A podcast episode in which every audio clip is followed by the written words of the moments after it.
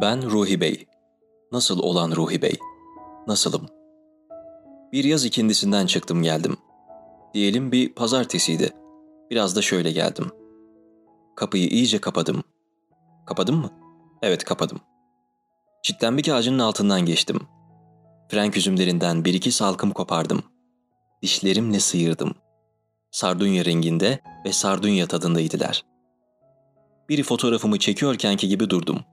Azıcık gülümsedim. Ve dünya bana gülümsedi. Çakılların üstünden yürüdüm. Yürüdüm ki bir sese benziyordum sanki. Yüzyıllarca önce kırılmış bir kemik sesi. İyice duydum.